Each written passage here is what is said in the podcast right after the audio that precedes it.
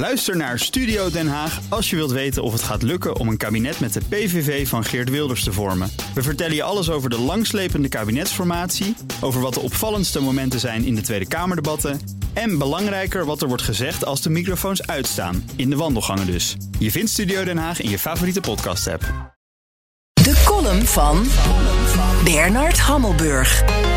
Zou Biden ingrijpen in Cuba? Komt Poetin dan met tegenmaatregelen? Het antwoord is nee, maar het zijn de verkeerde vragen. De juiste vraag is: wanneer komt veruit de machtigste partij tegen Cuba in actie? De toerist.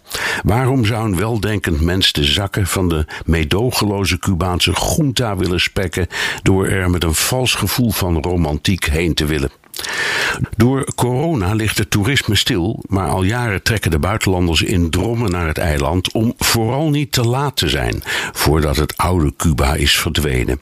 Apies kijken in het Cuba van 60 jaar oude Amerikaanse auto's, vergane gebouwen, verveloze villa's, gaten kaaswegen, monopoliegeld voor buitenlanders en Roomba dansende inboorlingen.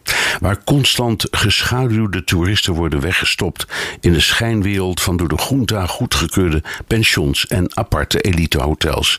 Waar de junta op maar een paar schaarse pleintjes wifi toestaat. Waar in het wereldwijd geroemde gezondheidssysteem patiënten voor de dokters voedsel, geld en andere cadeaus meebrengen om vooraan in de lange rij te komen voor een operatie, bloedonderzoek of röntgenfoto.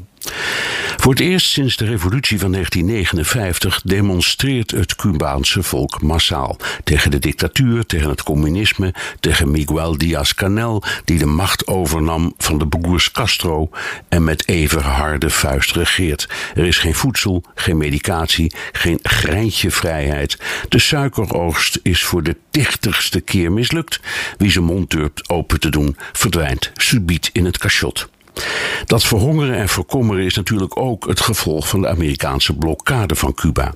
De Mexicaanse president López Obrador pleit voor opheffing van die Amerikaanse houtgreep. Dat durft president Biden nooit aan, want hij gaat onmiddellijk op het politieke slachtblok van de invloedrijke pro-republikeinse Cubaanse diaspora in Florida en elders in Amerika. De bal ligt bij Diaz-Canel. Als die de handdoek in de ring gooit, hebben niet alleen de demonstranten gewonnen, maar de hele vrije wereld. Dan kan ook de toerist er met goed fatsoen heen. Al is dat apisch kijken vast snel voorbij. Het is de hoogste tijd voor de Cubaanse contra-revolutie. Tijd voor Cuba Libre.